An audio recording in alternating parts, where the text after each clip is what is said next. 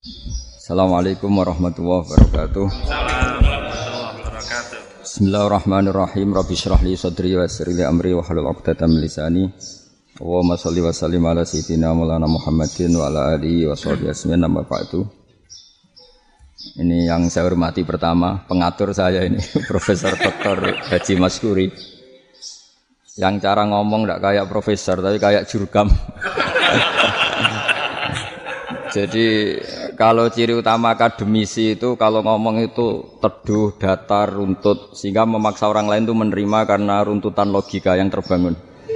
Ya, kalau ini ndak, pokoknya kasar gitu pokoknya orang itu. ini agak agak agak lazim, agak dalam dunia ilmu. Uh, semua wakil rektor, semua yang hadir yang saya hormati, uh, saya seperti yang dikatakan moderator, Pak Sinten uh, Bapak Anwar bahwa memang saya tidak boleh terikat sama yang di belakang ini. Karena ini kayak apa ya?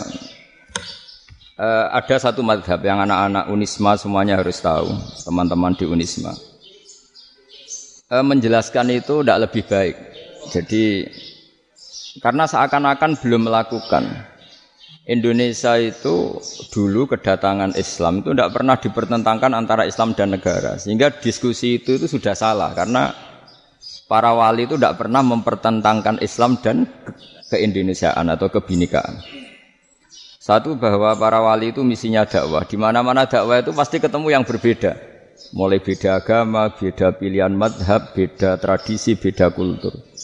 Jadi itu tidak perlu dipertentangkan, tapi malah itu jadi lahan dakwah. Sehingga kita-kita ini kalau diminta diskusi hubungan negara dan agama malah bingung. Memangnya kenapa? Itu seperti dulu zaman P4 saya punya kawan di Jogja, teman saya nulis tafsir Profesor Zaini itu pernah zaman Pak Erto disuruh sosialisasi P4 di Papua. Apa hubungan Pancasila dan UUD 45? Itu orang Papua jawab hubungannya baik-baik saja, Pak. Jadi yang unik itu ketika disuruh baca Pancasila. Satu, Pancasila. Dua, ketuhanan yang Maha Esa. Akhirnya enam kan? Kenapa Pancasila jadi enam? yang unik itu ketika ditanya. Ini saya melihat langsung di TV 7 itu. Indonesiaku ini. Ada anak-anak kecil ditanya. Bendera ini milik siapa? Bendera merah putih itu. Jawabannya apa? Milik sekolahan pak. Karena memang milik milik sekolah. Itu yang tanya itu kaget. Milik sekolahan Pak. Nah tentang tema ini eh, mohon dibaca ini langsung start ya, langsung serius karena tadi sudah kayak jurkam tadi ini yang langsung khas khas ilmuwan. Ini sebagai penghormatan saya pada Yunisma ini khas khas keilmuan. Imam Zuhri adalah gurunya Imam Malik. Ya saya ulang lagi ya, Imam Zuhri adalah gurunya Imam Malik. Halaman 29. Ini langsung start saya baca uh, halaman 29. Nah ini terutama yang para punggawa-punggawa ini. Eh, saya baca ya. Ini teks tidak ada yang saya rubah, memang persis seperti ini. Uh, Bismillahirrahmanirrahim. Yaqulu Zuhri, ini gurunya Imam Malik. Fama futiha fil islami fathun qablahu kana a'zuma minhu. Innama kanal lu haitsul takon nasu. Falam makanatil hudnatu wa atil harbu wa amanan nasu ba'duhum ba'do. Wal taqaw fatafawadu fil hadis wal munazaah. Falam yaklim ahadun bil islami yaqilu syai'an illa dakhula fihi. Walaqad dakhalataini kasanaten mislu mangkana fil islam qabla dzalika au aktsar. Terus ini ngomongnya harus santai nggak boleh provokatif uh, begini, kita tahu dalam perdamaian Hudaybiyah itu poin-poinnya itu semuanya merugikan Islam. Di antaranya adalah jika yang Islam masuk kafir harus dibiarkan karena berarti masuk ke habitat asli. Karena Nabi sebelum jadi Nabi komunitas pokok itu kafir sehingga kalau Islam masuk kafir kembali ke habitat. Tapi kalau Islam masuk kafir apa kafir masuk Islam itu harus dikembalikan. Karena dianggap bid'ah. Maka kalau kamu dituduh bid'ah itu tenang saja dulu Nabi itu ya dituduh jikta bidinin muhdas. Kamu datang dengan agama yang baru. Cuma agak diteruskan wakullah muhdasatin bid'ah wakullah bid'atin dalalah. Jadi orang-orang kafir dulu kalau ngomentari Nabi ya jikta bidinin muhdas. Kamu datang dengan agama yang apa? Baru. Nabi nurut. Semua perjanjian yang merugikan Islam itu Nabi nurut. Tapi Nabi hanya minta satu hal, jangan ada perang 10 tahun. Dan orang boleh seminar, boleh diskusi tentang Islam. Ya ini dengerin betul ini. Jadi saya tidak akan provokatif, ini pakai logika. Nanti bisa dipakai disertasi doktor. Tapi saya minta orang boleh diskusi, boleh seminar tentang Islam. Akhirnya saat itu juga ada orang yang masuk Islam. Di depan tulisan itu belum kering istilahnya. Datang ke situ namanya Abu Jandal bin Suhel bin Amr. Itu datang ke Nabi, ya Rasulullah saya ini mau masuk Islam. Kata orang-orang kafir, ini pertama Muhammad, kamu komitmen enggak sama perjanjian. Kalau kamu komitmen harus kamu kembalikan. Nabi bilang, ya Abu Jandal kamu kembali ke mereka, ke habitat mereka, yaitu menjadi kafir. Di komunitas kafir maksudnya. Akhirnya nangis. Umar, Sayyidina Umar itu dekati Abu Jandal, kemudian memberi isyarat supaya ngambil pedangnya. Jadi syaratnya wong ini baca orang wis. Maksudnya orang-orang kafir ini. Tapi Abu Jandal nggak mau. Singkat cerita akhirnya kembali ke komunitas kafir. Tapi yang dikatakan Imam Zuhri cara analisis. Ini nggak bisa pakai provokatif, harus pakai analisis. Innama kanal kita lu haitsul takon nasu. Yang namanya perang itu menjadikan orang tidak berpikir jernih. Ini poin yang diambil oleh Rasulullah.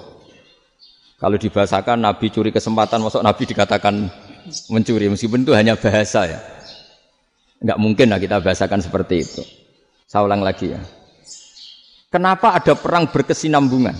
Sampai tahun ke-8 Hijriah mulai tahun kedua ada perang Badar sampai tahun 8 Hijriah itu perang terus.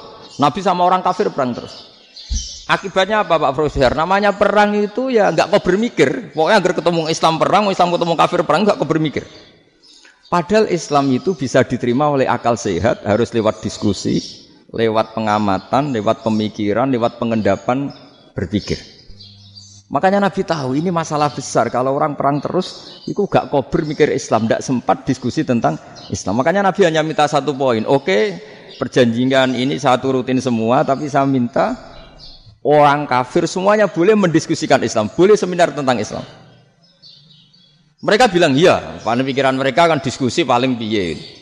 Ternyata betul. Ada diskusi, terus temanya gini. Kira-kira bener di Muhammad Abu Jahal. Terus Tuhan Muhammad sama Tuhan Abu Jahal itu keren mana? Diskusi. Tuhan Muhammad itu kholikus samawati wal ardi yang menciptakan langit bumi. Sebagaimana kampanyenya Muhammad. Ya mereka masih jangkar bilang Muhammad. Kalau Tuhan kita, ya berhala itu yang kita bikin, yang kadang rusak, yang kadang kudanan, terus lemutan, pokoknya terus diskusi. Kita kok bener pengirannya Muhammad. Terus Muhammad Abu, Abu Jahal, Mulai dhisik Muhammad itu ratau bodoh nih. Mulai dulu Muhammad tuh gak pernah bohong. Abu Jahal, waduh, wis bodoh nih ngongkonan. wis, wis ribet kan? Dan semua diskusi itu mengarah ke kebenaran Islam. Akhirnya ngomong kafir sing tokoh-tokoh ya cara Jawa yuk. Wah, semane jebule masalah ini kan. Artinya gini, kalau kita ingin Indonesia damai, sebenarnya yang untung itu Islam. Karena Tuhan yang menciptakan langit dan bumi tentu gak akan diperbandingkan atau akan dikalahkan oleh Tuhan yang lahirnya saja sudah di bumi. Misalnya kita menjual Tuhan Allah, siapa itu yang menciptakan langit bumi yang ada sebelum langit bumi? Bandingkan dengan Tuhan yang lahirnya di bumi, ada tanggal lahirnya, ada aktenya, itu kan sudah ribet kan? Begitu juga kalau memperbandingkan tokoh. Muhammad itu siapa? Tokoh yang bisa menyatukan pan Arabik, tokoh yang begini-begini, yang sayang istri, sayang keluarga. Dibandingkan dengan tokoh Abu Jahal Abu Lahab yang corong jauh penggaweannya yang rugikan orang lain. Akhirnya orang itu mulai tertarik sama Islam. Makanya kata kata Azhuri, pakai bahasa dulu. Falam yaklim ahadun bil Islam. Tapi kalau sekarang yang populer itu bahasa yatakallam. Sebenarnya yang benar itu bahasa kalimah yaklimu kalaman karena masdarnya itu kalam berarti sulasi nopo mujar mujar. Tapi di fiilnya itu mujarrodnya enggak kelaku. Jadi di fiilnya takal lama ya takallamu. Tapi untuk masdarnya yang kelaku kalaman. Jadi ini agak unik, agak enggak lazim. Mestinya kan takal lama ya takallamu takaluman. Tapi di masdarnya kalam populer. Tapi di fiilnya tidak populer. Saya teruskan ya. Ini penting sekali. Jadi menjual Islam kalau boleh dibahasakan menjual itu tetap enak dalam kondisi damai. Karena kalau kita perang itu bawaannya kalau ketemu ya perang. Kalau ketemu perang sehingga orang itu rakober diskusi loh saat bener Islam sampai kafir itu bener di. Karena tidak kau berdiskusi, tidak sempat diskusi orang yang milih yang kafir. Karena yang mayoritas yang kuat. Sementara Islam zaman itu lem, lemah. Lah Nabi itu yang diminta hudnah, yang penting kita damai. Terus orang boleh mendiskusikan benar mana kita dan mereka. Ya setelah diskusi ya tadi kan nggak nggak mungkin Allah yang begitu keren hebat pencipta langit bumi dibandingkan berhala yang mengurus dirinya sendiri saja tidak bisa. Walhasil terus orang mulai tertarik sama Islam dan aturannya nggak boleh dilarang diskusi itu. Nah makanya saya pernah ditanya beberapa profesor di Jogja, Gus suatu saat kalau kampus paling keren di Jogja ini ada Islamic Studies, kemudian pengajarnya dari berbagai agama, ini riskan nggak bagi Islam? Saya jawab, asal yang didiskusikan Islam itu nggak masalah. Sing repot itu nak umat Islam. Karena kalau umat Islam yang jadi percontohan, banyak raja yang dolim, banyak pemimpin muslim yang dolim, terus identik dengan Islam itu jadi dolim kan ribet. Ya kalau pas umat Islam, kalau Islam yang kumat kan jadi masalah kan. Nah ini kan terus jadi beda umat Islam sama Islam yang lagi apa? kumat. Singkat cerita terus Islam mendapat posisi yang luar biasa. Nah, makanya di sini diistilahkan falam makanatil hudnah ketika ada perdamaian wa amanan nasu ba'dum ba'do orang merasa aman itu fatafawadu fil hadis wal munazaah. Mereka berdebat. Munazaah itu berdebat. Keren mana konsep Muhammad dengan konsep Abu Jahal?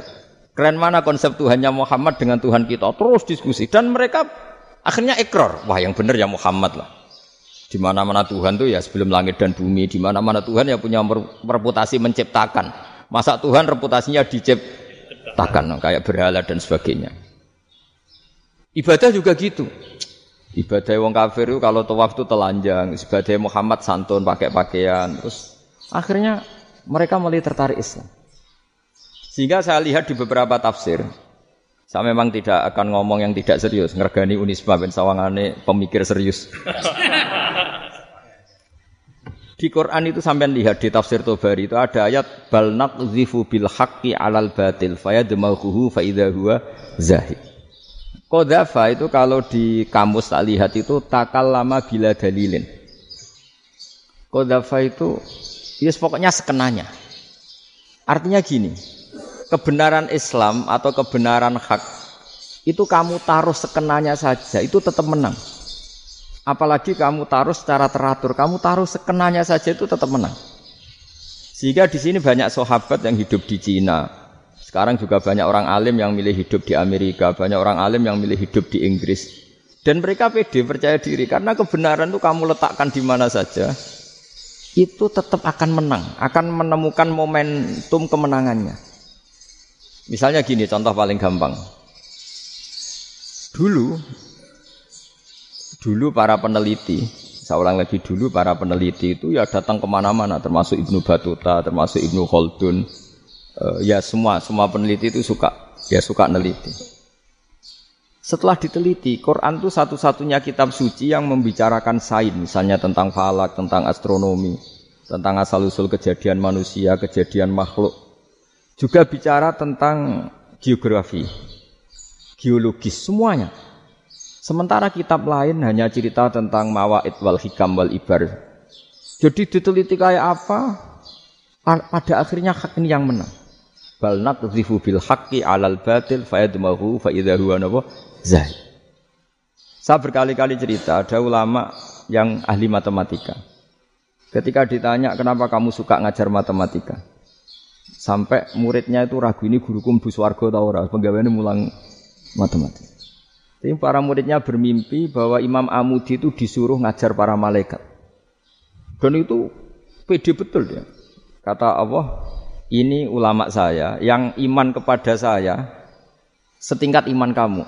Jadi malaikat itu tidak mungkin Gusti kita menyaksikan langsung engkau sementara ini di bumi, nggak nyaksikan jenengan. Kenapa bisa sepede dan seyakin itu? Akhirnya Mama Mudi disuruh ngajarin matematika. Jadi anda kalau profesor itu nanti harus sempat ngajari mal malaikat itu baru benar-benar profesor. Jadi nanti di akhirat ngajari siapa? Malaikat. Jadi ada seminar yang melibatkan banyak malaikat, narasumbernya itu seorang profesor. Itu ketika kenapa engkau begitu yakin kalau Allah itu Tuhan dan Allah itu Al-Wahidus Somad. Terus Imam Amudi mulai nulis, nulis angka gak beraturan. 2, 3, 4, 5 sampai 1 miliar, 1 triliun, pokoknya gak beraturan. Kata beliau, nisbatus naini wasala sa ila ma la nihayatalaha iku nisbatul far'i ilal asli. Mbok angka sebanyak apa pun dua dibanding satu ya farul wahid, tiga dibanding satu ya farul wahid. Semua angka yang enggak terhingga pun dibanding satu semuanya farul wahid. Semua angka sebanyak apa pun itu cabang dari angka satu. Fakullu hadil awalim far'un minal wahidis somat yaitu Allah Subhanahu wa taala. Wah, malaikat tepuk tangan, iya juga. Jadi begitu juga ada ulama itu ahli gambar. Saya dulu ngaji sama Mbah Mun Al Husunul Hamidiyah itu kitabnya itu banyak gambarnya. Dan gale gambar yang ngawur betul, mangga ahli gambar. Saya Apple, terus sempurna lele. Semua gambar bangunan, gambar sapi, pokoknya gambar. Ternyata dia menemukan Tuhan itu dari gambar. Gambar serapi ini atau seruat ini sama. Gambar rapi sama ruwet itu sama kalau dalam pandangan tauhid dimulai minan nuktoh al wahidah. Kue cek gambar sing rapi sing indah, cek gambarmu elek dimulai dari satu titik dan titik ini nuktotil wujud yaitu Allah Subhanahu wa taala.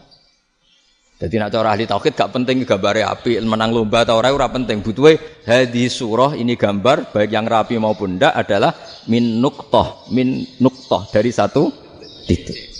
Ya. Alam raya sebanyak ini mbok gambar mbok ora Sejak mulai Mars sampai Jupiter kuabe semua bentuknya yang banyak ini semuanya min wah min nuktatil wujud yaitu dari titik wujud ini kok Allah Subhanahu wa Di sini hebatnya ulama-ulama, mbok dia pengajar matematika, mbok pengajar gambar, semuanya dipakai perangkat untuk tauhid. Ya, itu kan juga bagian dari Islam damai. Islam yang sangat tidak tidak perlu perang untuk orang dipaksa Islam. Enggak perlu provokatif kayak tadi ini rektor jenengan tadi. Jadi ciri utama ilmuwan tuh kalau ngomong datar tapi logikanya enggak terbantahkan. Itu ciri khas ilmuwan. Kalau ciri khas politikus kalau ngomong itu keras. Provokatif lah kira-kira gitu. tapi isinya biasa. Nah saya berharap nanti semua profesor doktor itu datar tapi isinya kualitasnya ya kualitasnya bagus ini. Mentes. Jadi makanya terus kata ulama, kenapa diistilahkan balnat zifu bil hakti? Kenapa pakai kodafa sementara kodafa mana takal lama bila dalil?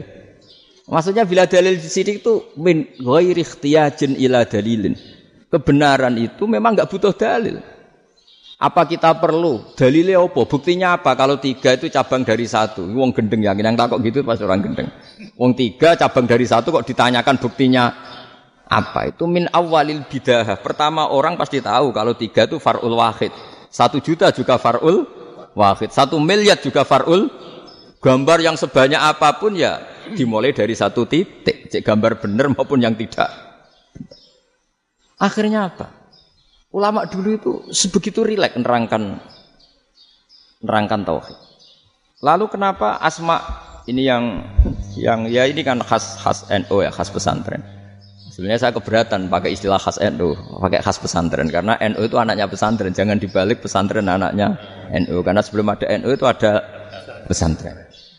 Tapi kayaknya Unisma lebih suka pakai bahasa NU dan saya ya agak-agak orderan yang terpaksa disuruh ngomong. Ini agak, apa ya agak kacau sebetulnya ini agak agak kacau. Jadi NU itu sama pesantren itu tua pesantren. Jadi NU dilahirkan pesantren bukan dibalik pesantren dilahirkan NU. Sehingga barokahnya didirikan pesantren ini kadang nyuwun sewu sekali berbahasim itu kadang ide besar beliau itu ya dituruti wong NU. Jadi Mbah Hasim cara kula kok dadi Mbah Hasim ya mangkel. Mbah Hasim itu ngarang meno kentong. Nggih ngarang meno beduk, tapi NU nganggo kentong. Dan uniknya Mbah Hasim enggak tersinggung. Karena ciri khas pesantren itu membolehkan perbedaan apa? Pendapat. Itu masyur khilafnya Mbah Hasim sama Mbah Fakih Mas Kumambang. Itu sampai dikitabkan. Saling ngeritik, saling macam-macam lah. Jadi cara berpikir Mbah Hasim ketika Nabi rembukan, ini gimana ya cara menentukan waktu sholat ya? Ya pakai kentong ya Rasulullah. Zakalin Nasoro itu untuk orang Nasrani. Ya pakai buk, buk itu trompet. Zakalil Yahud itu untuk orang Yahudi.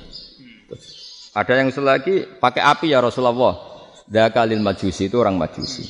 Setelah itu ada orang datang lari-lari cerita mimpi azan tadi. Ya itu terus dipakai sarana pemanggilan sholat ya azan itu. Sehingga Mbak menolak kentong. Karena mantas sababi kaumin bahwa ini beliau keras sekali sampai bilang haram. Beliau judulnya ya haram. Al jasus antakrimin nakus. Setelah naskah itu sampai ke Mbah Fakih Mas Kumambang di Gresik situ, di daerah Dukun situ. Dulu nggak ada WA ya, jadi sampainya ya lama. Makanya saya sampai sekarang nggak punya WA karena ya saya ulama kan kalau WA-an terus ya jadi ulama.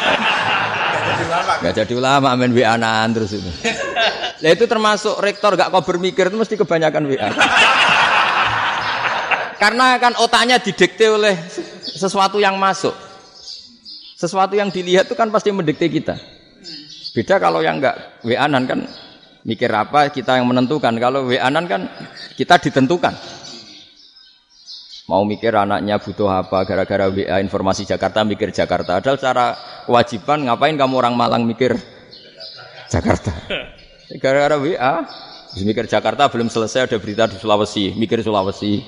Habis itu mikir NTT. Makanya semua orang sekarang merasa tokoh nasional gara-gara informasi yang masuk itu nasional. Jadi Mas Yo RT yang mikir gimana Gus Indonesia kok. Ada RT. Sampai lupa kalau dia itu RT. Jadi semua orang sekarang merasa tokoh nasional. Dan itu gara-gara apa coba? Akhirnya semua orang juga punya ide tentang nasional. Harusnya negara itu gini-gini. Jebule wonge sing duwe ikon itu sapa? RT. Ribet kan? Saya teruskan. Setelah naskah itu sampai ke Kiai Fakih Mas Kumambang. Beliau itu marah besar. Ini harus dilawan dan saya bukan karena benci Mbak Hasim. Beliau teman saya ketika ngaji Kiai Mahfud di Mekah. Jadi Mbak Fakih dan Kiai Hasim itu teman ketika ngaji di Mekah. Cara ngelawan tuh lucu. Lucu lucu, gak ilmiah tapi gak ilmiah wong alim tetap ilmiah. Di mana-mana serupa itu tidak sama. Ya kalau mungkin zaman Nabi di Medina itu zaman itu kentong itu identik dengan milik Nasrani. Di Indonesia beda. Pos kampling ya kentong. Kebakaran ya kentong. Wae sarapan orang di LP ya pakai kentong. Jadi tidak ada jaminan kalau kentongan itu identik dengan Nasrani. Lalu haramnya di mana? Yang di mana-mana tasabuh itu identik. Ini tidak identik. Mulai masalah kan? Mulai masalah. Jadi beliau gaya judul Hazruus. Hazruus itu kepala bergeleng-geleng. Sekarangan kok ngene jadi sekarangan kok provokatif gitu gitu. Nah. Dan itu Bahasim ya hormat Mbak Fakih, Mbak Fakih hormat Bahasim. Saya sendiri secara pribadi itu lebih suka pendapat Bahasim sebetulnya. Karena bagi saya sholat itu sakral, ya sudahlah kalau sakral ya dipanggil dengan sesuatu yang sakral yaitu kalimat thayyibah azan. Tapi saya tidak akan bilang kalau kentongan itu haram. Karena kalau haram alasannya mirip orang Nasrani. Sementara pos kambling ya pakai kentong, ada banjir ya kentong, ada kebakaran ya kentong. Jadi tidak identik untuk e, misa atau untuk sholat ala Nasrani. Tapi itu dulu ya rileks saja. Dua beliau itu ya saling menghormati, padahal saling kritik. Dan dulu ulama yang beda madhab itu ya saling menghormati. Imam Syafi'i itu kalau sholat di kawasan masjid Abi Hanifah ya tidak kunut. Ketika ditanya kenapa kamu tidak kunut, sementara engkau berpendapat kunut itu sunat. Ikroman di hadal madhab. Saya sangat menghormati madhab. Imam Ahmad bin Hambal itu berpendapat kalau orang pakai bekam, pakai iftisot atau hijamah itu batal sholatnya. Sementara Imam Syafi'i mengatakan tidak batal apa sholatnya atau wudhunya tidak batal. Tapi Imam Ahmad itu ditanya, apa kamu makmum Syafi'i? Bagaimana mungkin saya tidak makmum sama wali kutub seperti Imam Syafi'i? Padahal menurut keyakinan Imam Ahmad ini sholatnya batal. Ini habis ikhtijam udah wudhu. Tapi tetap saja beliau karena perbedaan pendapat di furu itu lazim. Ya orang boleh berdebat lah. Ketika Unisma datangkan saya, itu saking senengnya kiai, itu saking sombongnya sampai ngatur kiai. Kan nggak pernah bisa diperdebatkan. Itu kan orang boleh debat kan. Itu saking angkuhnya apa saking senengnya kan nggak jelas kan. Kan dan orang boleh setuju pendapat saya, yaitu ngatur kiai itu haram. Setuju juga Pak Rektor, ekspresi mahabbah itu ya macam-macam. Dulu sahabat ya gitu. Sahabat itu ada yang nggak kenal wajahnya Nabi sama sekali. Sampai akhir hayatnya. Ketika ditanya, lo kamu itu sahabat kok nggak tahu wajahnya Nabi? Saya tidak pernah berani memandang Nabi. Karena ijlalan Nabi. Terlalu menghormati saya. Sehingga tidak berani memandang wajahnya. Ada sahabat sing penggawaannya dulu wajah Nabi. Sampai bisa nyifati. Alfiu faminunil hajib. Sampai bisa nyifati detail. Karena dulu wajah Nabi itu ibadah. Ada seorang wali ditanya, kalau kamu di surga ingin nggak melihat Allah? Enggak. Loh, tapi semua orang ingin melihat Allah. Unazzihu dzalikal jamal an nadhuri misli. Ben gak elek Allah tak delok terima aku. Wong ra jelas. Berarti kok delok pengiran. Banyak. Jadi justru tapi karena saking takzimnya. Enggak lah, mosok aku kok. Makanya saya berkali-kali cerita. Menurut kesepakatan ulama, soft awal itu paling baik. Tapi banyak juga wali yang kalau sholat itu di belakang koyok paling bener yang gue ngarep gitu. Lu bayangkan misalnya kamu semangat di soft awal di masjid haram, jebule sholatnya salah. Dari malaikat gaya nih gue ngarep, jebule raro. Ini kan di sini sini uang, jebule bodoh gitu. Gaya nih gue ngarep, jebule. Coba orang kalau sowan Mbah Mun, yang berani di depan itu kan ya ketuanya atau jubirnya kan. Yang merasa tidak pati pinter-pinter kan mesti di pojokan. Artinya sudut pandang seperti itu ya sah saja. Apa? Sah saja. Makanya banyak sahabat yang jarang sowan Nabi. Alasannya takut ganggu Nabi. Banyak yang sering sowan Nabi. Alasannya seneng Nabi. Yang sowan ya seneng Nabi. Yang nggak sowan alasannya seneng. Lu Nabi itu tokoh, punya keluarga, punya anak. Kalau saya sering sowan berarti sering ganggu.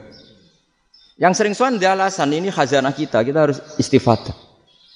Jadi zaman dulu dia biasa dua sahabat yang satu milih mahabbah itu milih sering sowan, yang satu juga mahabbah milih tidak sering karena pertanyaannya bisa dibalik kan.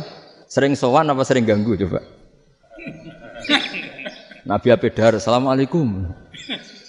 Nabi nimang cucunya, Assalamualaikum. Ayo bener yang sowan apa bener yang enggak kalau seperti itu. Akhirnya terus diatur sedemikian rupa oleh Quran.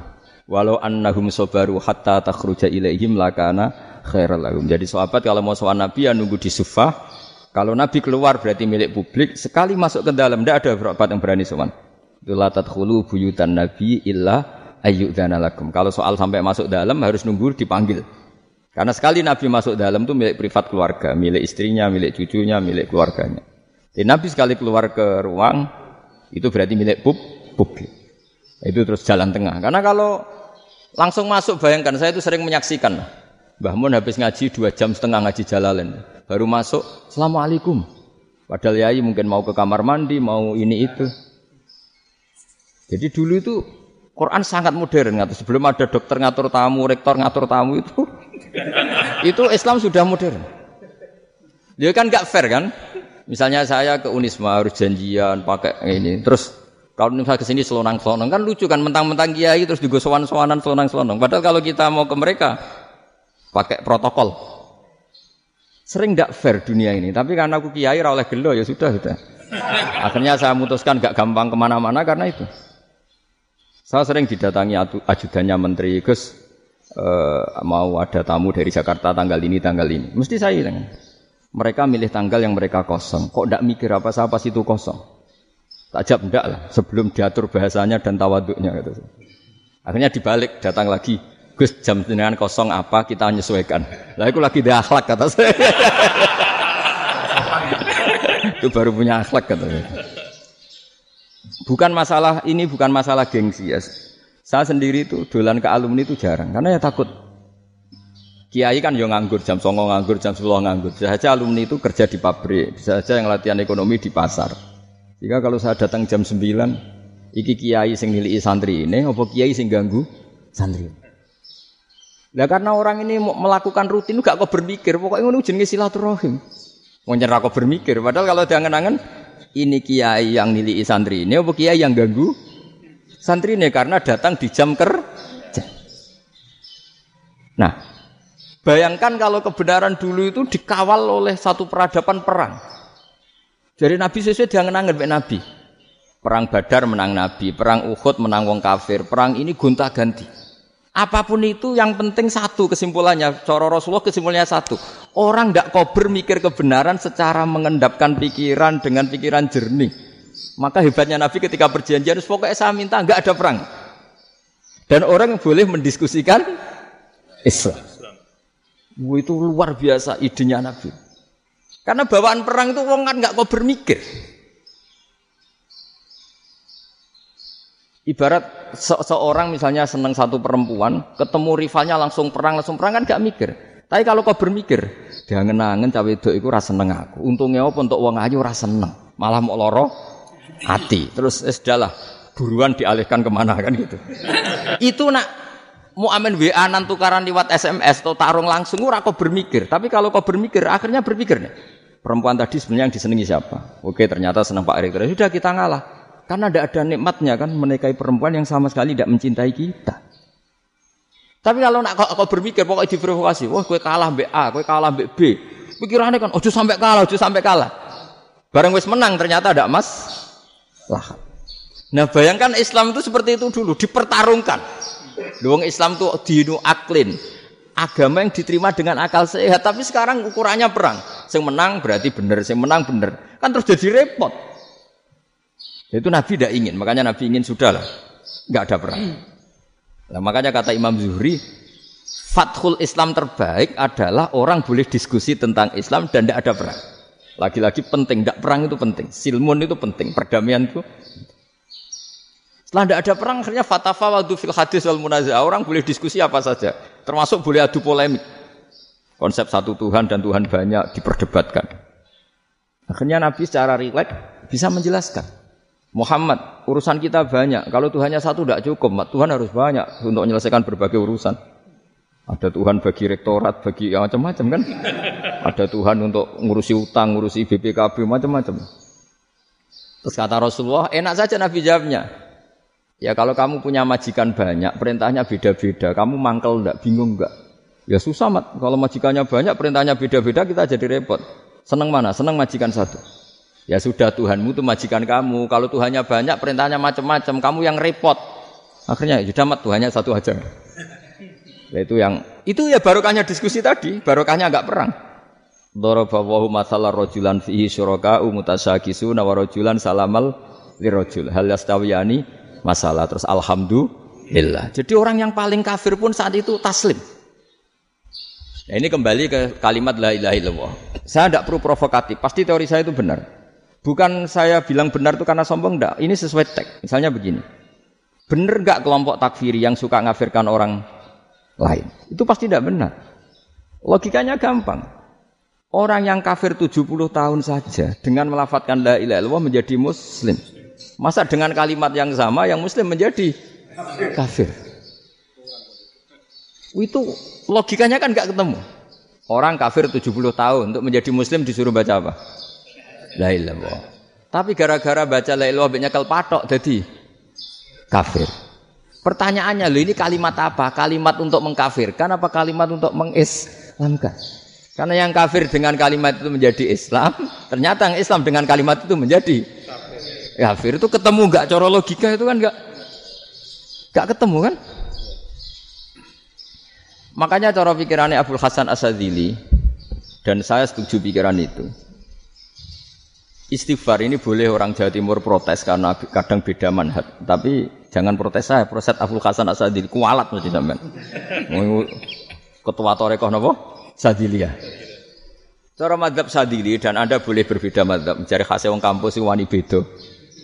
Beda kapasitas lah pokoknya butuhnya beda. Dan ketok pinter, ketok kritis tuh. Cara madhabi Abdul Hasan Asadili itu gini Pak Rektor. Jadi istighfar itu baik. Tapi ba'da kamali tauhid, setelah tauhidnya itu benar. Alasan beliau masuk akal. Ketika ada ayat fa'alam annahu la ilaha illallah wastaghfir li dzambik. Eh bihadil kalimah. Jadi orang boleh istighfar setelah tauhidnya benar. Alasannya Abdul Hasan Asadili begini. Kulil ladzina kafaru iyantahu yughfar lahum ma salaf. Katakan kepada mereka yang kafir, sekali mereka tidak kafir, maka otomatis dosanya masa lalu diampuni. Pertanyaannya, yang bisa menghentikan kekafiran itu kalimat apa? La ilaha illallah. Dengan hanya melafatkan la ilaha illallah Muhammad Rasulullah langsung yufar lahum makot salaf, langsung dosanya disembuh, ampuni. Berarti yang menjadi pengampun dosa lah, penyebab pengampunan itu apa? La ilaha illallah. Itu bahkan orang kafir belum istighfar. Di ayat itu kan Allah gak mensyaratkan setelah illallah istighfar baru diampuni enggak. Asal la ilaha illallah langsung yufar lahum makot salah. Saya ulang lagi ya, jelas ya. Jadi kulil ladina kafaru iyan tahu yufar lahum makot. Nah sekarang iyan tahu, mereka berhenti dari kafirnya. Syaratnya pakai apa? La ilaha illallah Muhammadur itu langsung yufar lahum makot. Artinya apa? Ghufranullah itu bisa didapat hanya dengan mujarrodut tauhid, yaitu hanya dengan melafatkan kalimat toy, toy. Dan sahnya istighfar juga berdasar kalimat toibah itu. Misalnya gini, orang kafir sebelum Islam melafatkan astaghfirullah, astaghfirullah, astaghfirullah, kira-kira diterima enggak? Enggak kan? Karena syaratnya istighfar ba'dat tauhid. Nah, makanya dalam adab sadili istighfar itu setelah la ilaha illallah. Karena cara pandang Ya seperti itu. Jadi fa'alam annahu la ilaha illallah wastaghfir li dzambi. Jadi dengan kebenaran tauhid saja ini sudah cukup kita insya Allah layak diampun. Karena inna wuha la yaghfiru ayyusyraka bihi wa yaghfiru ma duna dzalika liman yasha. Jadi orang yang tauhidnya benar itu bisa diampuni Allah asal tauhidnya benar. Itu Allah ngendikan lima yasa wa yaghfiru ma duna dzalika liman yasa. Dawe Imam Suyuti walam yakun liman yastaghfir. Jadi orang yang bertauhid secara benar meskipun gak sempat istighfar itu tetap potensi diampuni. Karena bawaan tauhid itu sudah menjadi layak diampuni. Kayak orang kafir sekali ngelafatkan kalimat tauhid, mbok gak istighfar langsung diampuni. Nah, karena melihat seperti itu terus orang berlomba-lomba memperbanyak jumlah ngelafat la ilaha illallah.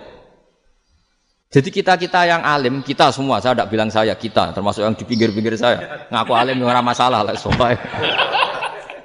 Kita semua yang alim-alim itu tahu bahwa la ilaha illallah itu super. Sudah bawaannya tauhid juga punya kelayakan diam. Nah, kemudian nasib kita agak sial. Malah kalimat ini dituduh bid'ah, dituduh khurafat. Mergo Nabi nggak pernah tahlilan, Nabi nggak pernah Nabi nggak pernah tahlilan kalau diartikan Nabi ratau mau la ilaha illallah gak kalimat itu. Nah, ini provokatif ini. Jadi ini sudahlah keanehan-keanehan ini kita terima karena ciri utama wali, ciri utama ulama itu wa udu fisabili harus pernah disakiti. Jadi kalau Unisma sakit karo dituduh apa? Dituduh bid'ah itu berarti belum calon ulama.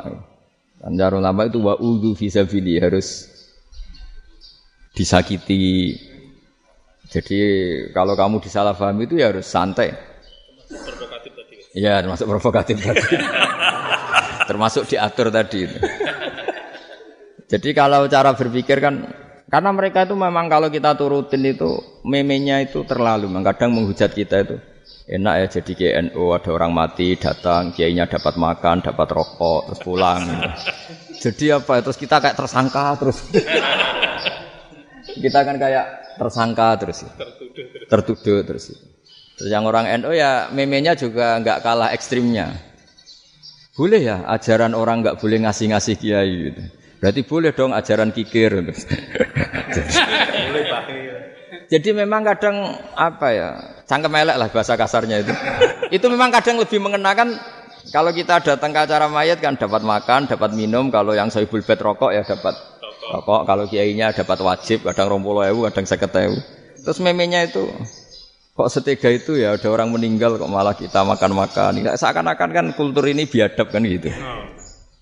Tapi yang orang NO kebalikan balas. Oh ternyata nggak boleh ya mayat disodakoi. Ternyata nggak boleh ya orang dermawan. Berarti Islam membolehkan medit ya gitu. Eh yang mau ini kan. Tangan-tangan itu luwih mandi timbang takbir ya kan. Karena ini kan memicu emosi kan. Memicu apa? Emosi. Nah, tapi saya kalau disuruh bela mana itu tidak ada yang saya bela. Ya seorang sudah lah kalau mau nganggur nganggur saja sudah itu. Sudah. Ya tapi itu memang apa ya? Itu khazanah Islam. Ada yang kritik, ada yang enggak. Ya itu memang khazanah. Ya biasa aja. Kalau saya biasa. Karena dulu ulama itu sudut pandangnya itu ya ya seperti itu. Ada yang ulama suka ibadah itu sholat, ada yang milih apa tidur. Sampai Imam Ghazali bilang suatu saat ibadah terbaik di zaman akhir itu tidur. Kan? Sholat saja kalah sama tidur kan. Tapi itu loh ya, yang wajib tetap loh, terus kamu gak sholat wajib. Begini beliau mencontohkan itu. Ada orang sholat tahajud terus, terus obsesinya itu ingin hajatnya terkabulkan. Sementara yang tidur obsesinya nikmati rahmatnya Allah, boleh tidur, bisa tidur. Kata Imam Muzali, timbang kita hajut terus nuntut pangeran aduk turu. Mergo engko akibat terus setan memberi bisikan, "Lho nyatanya kamu tahajud ya gak terkabul." Berarti cerita bahwa Nabi ngendikan kalau doa tahajud mustajab enggak. Daripada ngono kan turu ora tau donga Timbang abri-abri Islam ya, timbang elek-elekin apa? Islam. Jadi ulama itu mulai dulu itu sudah berpikir. Banyak orang menjadikan tahajud, sholat malam itu media untuk hajatnya. Dan kalau nggak kesampaian ini mutung. Nyalahkan kiainya ijazah ramandi. Nyawa macam. Es daripada ngono ora usah apa? Tahajud turu. Dan jenis kayak ini tuh banyak. Makanya ulama kayak saya itu saya naik dewi itu ya jarak. Saya sering didolani muhibin terus bilang gue saya doakan gini-gini saya mau nyalon bupati atau saya gini. Saya bilang gak waduh orang dongo, nak ramandi darani ulama dongane ramandi. Nak mandi kamu jadi bupati tetap nganggep karena beli. Sopo sing raro bupati saya juga beli. Ribet kan? Ketika mereka jadi, ngunsurkan doa kamu apa karena kemarin beli? Yang beli maksudnya nggak beli nggak usah tersinggung. Jadi ribet ngadepin. Tidak artinya gini loh, boyo doa itu jangan dipakai begitu. Kalau minta nasihat, tak nasihati jadi bupati yang baik, gubernur yang kalau minta doa itu resikonya. Akhirnya gigi kalau diminta doa ya doa sebenarnya diisinya itu gak doa kemenangan. Itu nggak selamat gitu. Karena ribet. Makanya Islam itu doa itu setelah iman. Aturan iman benar baru doa. Aturan iman benar termasuk Allah itu yaf'alu ma yasha, boleh melakukan yang dikehendaki. Allah enggak boleh terdikte oleh doa kita enggak boleh. Ya saya ulang lagi ya, madhab Hasan Asadili ini khas khas kita. Jadi la ilaha illallah itu didahulukan sebelum istighfar. Tapi kebalikannya madhab Imam Sanusi itu dibalik. La ilaha illallah itu kalimat yang sakral. Karena yang sakral dibutuhkan mukaddimah. Yaitu yang melafatkan harus yang sudah bersih, yang sudah steril baru melafatkan la ilaha illallah. Maka dalam madhab Sanusiyah eh, istighfar dulu baru la ilaha illallah. Nah, cara madhab Abu Hasan Asadili kebalikan istighfar itu sah setelah sahnya tahu. Kamu ikut mana dulu? Sadili apa Sanusiyah? Alhamdulillah sama-sama tidak paham ya sudah. Akhirnya sudah. Ya saya nggak ke mana-mana kan gitu. Jadi apa ya? Terus ini saya teruskan ini biar khas khas pesantren atau khas NU lah kalau bahasa Pak Rektor khas NU. Ini Ben sampean tahu beberapa perbedaan itu lazim halaman 24. Ya halaman 24 sama 25. Tak baca ini masih orisinil. An Sofyan bin Uyainah ini juga gurunya Imam Syafi'i. Kata Sufyan bin Uyainah beliau cerita, "Kana Isa wa Yahya alaihi masalam ya'tiyanil qaryah. Fayas alu Isa an syirori ahliha. Fayas alu Yahya an khiyari ahliha." Jadi Nabi Isa dan Nabi Yahya itu satu generasi, sama-sama masih muda. Kalau di satu kampung yang Nabi Yahya tanya, ini keluarga terbaik siapa? Saya mau nginap di situ. Karena kumpul orang baik itu nyaman. Kalau Nabi Isa kebalikan, keluarga terburuk mana ya? Saya tak di situ. Nah terus Akhirnya fakola lahu Yahya, lima tanzilu ala sirorin nas. Kenapa kalau kamu bermalam kok malah kumpul orang-orang yang nakal? Innama anatobibun udawil mardo. Saya ini nabi para dokter. Di mana-mana dokter yang ngumpuli yang sakit, ngobati yang sakit. Makanya di NU itu ya banyak kiai jadab mengumpuli yang nakal-nakal. Nak tepak yang entas nakal, nak tepak ya katut. ini adu nyali lah sudah gitu.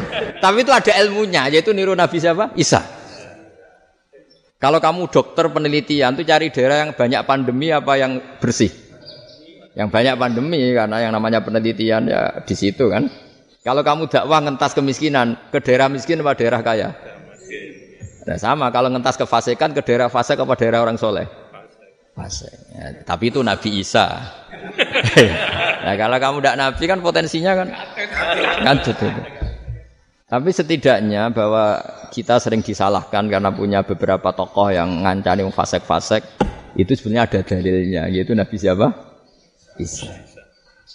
Nah terus masalah tegas dan lunak. Ketika ada mahasiswa misalnya pacaran, boncengan lanang dan perempuan. Itu pilihan kita apa? Kalau tegas, terus gak mau mendengar kita. Misalnya gini contoh gampang, tak beri contoh Pak D. Jangan orang tua, nanti secara fikih itu beda. Nah ini kan kita orang pesantren lah, biasa ngaji fikih detail. Kamu Pak D seorang perempuan, mahasiswi misalnya, sering pacaran. Setiap ke situ sama pacarnya kamu diam saja. Padahal kamu dosen ya, dosen dosen keislaman. Mesti pawanaan kamu nyimpulkan, ternyata pacaran itu tidak apa-apa. Buktinya Pak D itu tidak negur, menengah. Ini berarti asukut alal mungkar. Tapi kebalikannya, Pak D ini terkenal keras. Nak runo mesti ada kuponaan. Akhirnya yura rono. Mesti ngerti nak mesti diamuk. Nah, dua orang ini sama-sama gagal kan? Yang lunak menjadikan ponakannya pacaran terus karena enggak enggak negur sehingga dikira membolehkan. Sing keras juga enggak sempat bina wong rono erawani. Akhirnya dua orang ini sama-sama enggak enggak ketemu. Enggak ketemu, enggak enggak sama-sama enggak berkesempatan membina kan? Gagal. Gagal membina kan? Karena yang keras ponakannya enggak pernah situ, berarti enggak bisa bina kan? Yang lunak membiarkan berarti juga ada bina. Nah Islam itu antara dua itu. Ya agak terlalu lunak, gak terlalu keras. Karena kalau terlalu keras, misalnya ada kiai terlalu keras, lu masyarakat mau tanya itu gimana? Lari kan? Lu saya ini punya pengalaman pribadi. Saya ini kan kecelok orang alim. Itu kalau pernah ya saya itu berusaha berusaha ya, ya pokoknya ya umumnya orang alim lah tenang, terus anteng, nggak gejlok-gejlokan. Itu tidak ada yang tanya. Saya mimpi ketemu beberapa ulama itu disalahkan. Terus umat saya kalau mau tanya itu ke siapa? Wong alim wis wibawa, meneng tambah banget wibawa. Kalau kuraan, sering gojlok rektor macam-macam. Terus wong wanita kok, saya biasa ke pasar pandangan dicegot orang. Gus, putri saya itu sering keluar darah tapi melebihi batas head gini-gini. Kalau badhe sowan jenengan, gak gak usah sowan kene mbek ngadeg-ngadegan. Terus tanya, yang head berapa hari, Gus? Ya supaya rudat ilal adat. Adat sebelum dia punya penyakit istihadah itu berapa? 6 hari ya sudah kembali 6 hari lainnya mustahadah tetap sholat tetap normal. Tapi kalau sawi bawa, mau pasar gue tasbih dulu. Iku mesti uang salaman ya lu dongo yakin. Tapi baru kayak rada uraan ketemu wong-wong, eh dulu pening di, maaf pening di. Eh Gus beneran Gus ketemu jinan keluar wingi badhe tua kok. Hanya tanya, jadi uraanku itu amdan. Lho nek sampean asli, iki asli uraan. Karena ada uraan lah tetap tidak wibawa kan. Jadi baru kayak uraan itu ya banyak. Saya itu kalau ngantor di Jogja itu banyak orang yang tanya. Ya biasa tuh banyak macam-macam. Karena saya uraan. Ke pasar ya orang. Bahkan di bis sering ketemu orang. Wah beneran Gus kalau badai sewanjana badai tanya ini ini. Ya sudah di sini aja. Jadi semua itu diilmoni. Nabi itu punya sisi yang dua-duanya jalan. Memang beliau luar biasa, dipilih Allah yang luar biasa. Nabi ketika wibawa itu banyak sahabat yang bahkan mengenali wajahnya aja tidak bisa. Ka'anna ala ru'usihim at Bayangannya seakan-akan di kepalanya itu ada burung yang takut terbang. Saking antengnya. Tapi Nabi sekali mengeluarkan job, sekali santai, itu sahabat tanya itu sampai yang nggak pantas ditanyakan. Nabi saat tadi kumpul istri saya, tapi tidak enzal itu wajib mandi ndak. Aro'aita law anna ahadana ya'ti imro'atahu walam yunzil. Itu ya ditanyakan.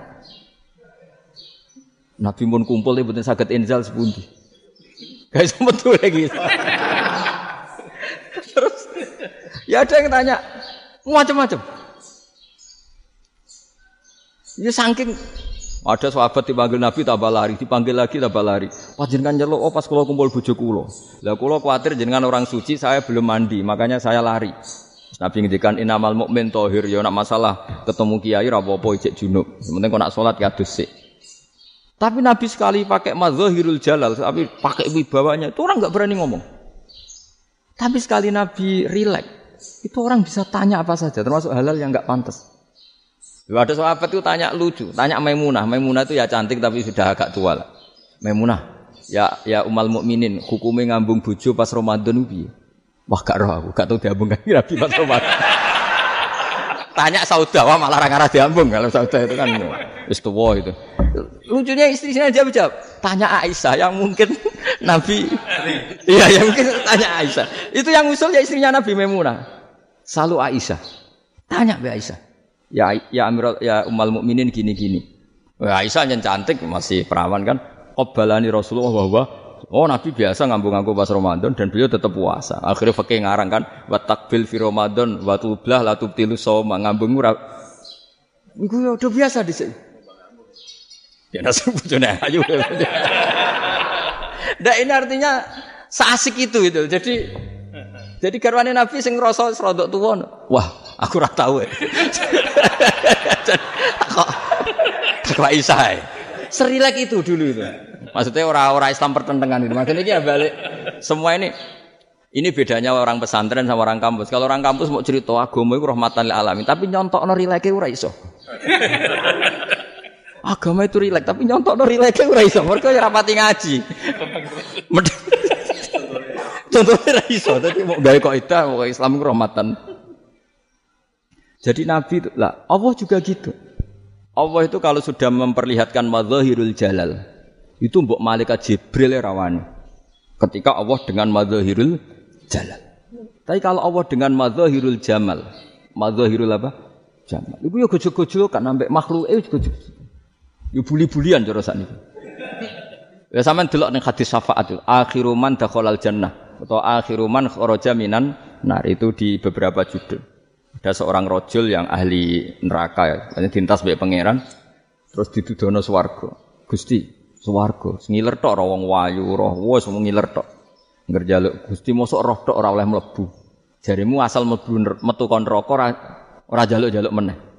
Sumpah lo ya, gak jaluk apa-apa meneh. Mboten Gusti. Sekali saya keluar dari neraka ndak akan minta apa-apa lagi. Yes. Wawahi, wis wawahi. La as'alu ghairaha. Mesti ghaira khuslah, ghaira tilkal khuslah. Ya niku pokoke selain keluar dari neraka saya tidak akan minta lagi. Didono swarga wong do kelon seru wibet kan. Sing bojone elek kan dendam dadi ning swarga iku. Swarga wis macam-macam. Gusti mosok roh tok. Ora oleh mlebu. Jarine janji ra njaluk meneh. Akhire ya wis didelokno neraka. Jadi pangeran jawabe gampang didelokno neraka. Roh neraka begitu menyakitkan, begitu ngeri.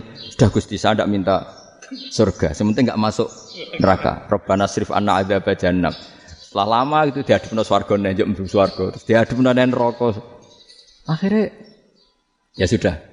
Saiki mlebu swarga gak apa-apa. Iku jawabe lucu. Atas taziu jenengan ngenyek kula. Mengkarwan ahli swarga kok mlebu swarga. Terus akhirnya mlebu swarga, kan mlebu swarga tamanna, sangen-angen mbok jaluk apa? Orang ngangen-ngangen yang indah-indah, laka, wa asrotu amsal. Ya siku tak turuti wa asrotu amsalih lan lipatan ke sepuluh. Jawab wong lanang ya lucu. Atas tazi ubi wa antarobul alamin. Jenengan pangeran kok ngenyean. Maksudnya wis karuan aku ora pantes. Terus dari pangeran, la jare la astazi ubika walakinni alama asya'u qadir. Aku gak ngenyek kowe, pancen aku pangeran. Nuruti kowe iku iso. Jadi Allah sendiri ketika dengan madzahirul jamal itu malaikat ya ono sing wani bantah. Masyur itu kan malaikat yang bantah pangeran atas alufia mayufsidu fiha wa yasfikut karena Allah dengan madzahirul jamal. Yang paling masyur Nabi Musa. Nabi Musa itu ketika Nabi Mi'raj. Nabi Mi'raj itu beliau kira-kira di langit keempat lah yang masyur atau kelima. Ngelangkai. Nabi Musa nangis, ya Robbi ini apa-apaan? Orang sing ja'a ba'di kemudian melangkai makom saya ini apa-apaan? Dan Nabi Muhammad kan apa pun hebatnya kan junior. Kok melangkai makom saya ini apa-apa? Enggak fair. Sampai Nabi Muhammad itu tanya gini sama Jibril. Reaksi Allah gimana ketika melihat Musa seperti itu? Jawab malaikat Jibril lucu. Ya roh tahu. Allah sapal gayanya Musa. Biar. Jadi lucu. Ya dibiarin aja sama Allah. Tapi yang jenenge Nabi Musa itu kekasihnya Allah. Tetap berkah bagi kita. Betul. Ketika setelah Mi'raj diwajibkan sholat 50. Gentena Nabi Musa kelihatan nabinya. Sebenarnya Nabi Musa itu sebetulnya loh, gak nguntungkan kita sebetulnya. Tapi yang nguntungkan. Sebenarnya ndak ndak niat nguntungkan kita, tapi nguntungkan. Nabi Ibrahim kan di langit ke-6, keren. Konti cong ketemu Allah ngeten-ngeten kan sholat seket. Karena Nabi Ibrahim ternyata terkenal Nabi baik ada bantah. Bareng Nabi Musa. Kenapa celok pangeran? Kulo kan salat ping 50. Inna ummata kala tutiku dalik. Wah, gak kuat umat. Serai-rai gak umatmu ora ngarah kuat 50 rokaat. Tapi sebenarnya Nabi Musa itu niatnya bukan membela kita. Fa inna ummati la umatku sing gagah-gagah ra iso meneh umat. Berarti sebetulnya ini sebetulnya ya itu masih pakai gengsinya gitu. Wes ah, ngono-ngono lah sementing kita untung. Sebetulnya sebetulnya dia itu gak terima wong umat saya aja yang lebih kuat gak kuat apalagi umatmu. Dan terus seperti ini, irji ila rabbika fas'al takhfif. Itu berarti Allah dengan madahirul jamal. Sudahlah, datang ke Allah minta keringanan. Allah itu baik. Minta. Mbak Allah di ringanan mau lima tok, jadi cek papat lima. Balik ke Nabi Musa, piro empat lima, cek rakuat umat. Wong umat kue rakuat, jadi sebenarnya bilang umat kue rakuat. Lu cara Nabi Muhammad model wong Malang, yo beda umatku be umatmu. Ribet kan? Itu. Loh, Nabi Muhammad kan tidak seperti itu kan? Tidak punya akhlak malang kan? Akhlak. Maksudnya akhlaknya mujur itu loh, akhlak yang baik gitu. Ya, akhlak yang mujur ya, bukan yang malang gitu. Jadi Nabi ya manut. Tinggal 40 kan, dikurangi lagi 35 sampai 9 kali kan? Masyur itu. Ya kan kalau dikurangi 55 kan berarti turun naik kan Sembilan kali. Itu setelah lima itu Nabi Musa aja usul, masih ragu. Itu cara Nabi munggah nentek. Ini entek ya. Terus Iya, doa tuntas betul. Bisa bebas. Bisa bebas. Terus munggah ado-ado laopo. Ngapain itu? Akhirnya Nabi Muhammad sudah sampun ya kali Allah saya ini malu sama Allah Musa. Sudah sembilan kali. Sudah sembilan kali dan diturutin terus. Jadi Allah kalau dengan madzahirul jamal itu Nabi Musa biasa nego sama Allah. Tapi ketika Allah dengan madzahirul jalal itu Nabi Musa enggak berani. Yaitu di hadis syafa'ah. Hadis syafa'ah ketika manusia datang ke Nabi Adam, ya tuna Adam. Ya Adam anta abul basar ngene isfa'li ana inda rabbik. Kamu saya minta mensafaati kita.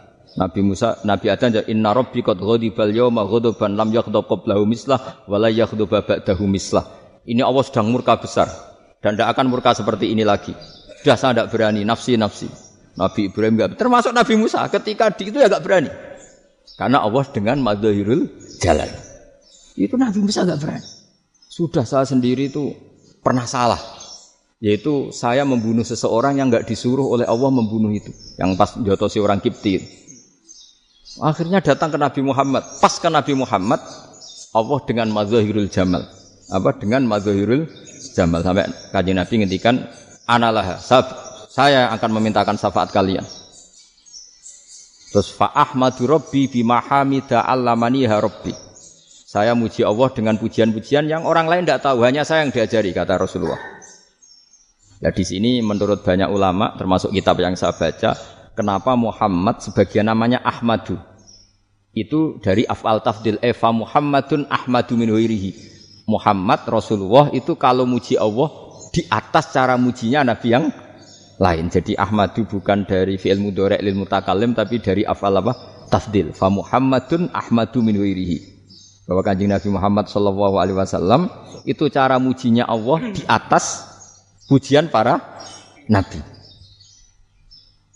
Makanya di sini Said Ali Zainal Abidin kalau muji hamdal hamidin wa fauqa hamdil hamidin. Jadi Pujian saya ini di atas rata-rata cara mereka apa? Memuji. Yaitu sirinya apa? Nabi itu tahu bahwa akhirat tidak bisa batasi Allah. Kamu tidak bisa nyemprit Allah. Allah, ini akhirat loh. Amal sudah ada manfaat. Ingat itu. Tidak bisa seperti itu. Allah itu nggak bisa tunduk sama konstitusi yang bernama akhirat. Artinya Allah meskipun di akhirat tetap dua hak ya ma ya, ya atau ya ma yurid. Gak bisa kamu terus wah ini akhirat amal raiso dikirim nawang mati, amal raiso dikirim. Yang pengiran kok mbak atur. Kalau kita yang mengirimkan tidak bisa, tapi kalau Allah tetap bisa. Makanya ada kiai mengatakan kodok kodar raiso dirubah itu kamu. Makanya ada seorang kiai ditanya, kodok kodar raiso dirubah sekali dicatat selesai. Jadi kiai tadi, tapi nak Allah iso. Dalile apa? Yang huwa ma yasa wa yusbit. Nak Allah ya iso, sing iso kan kita. Nah, Nabi itu tahu betul meskipun akhirat itu Allah masih bisa dinego saking baiknya.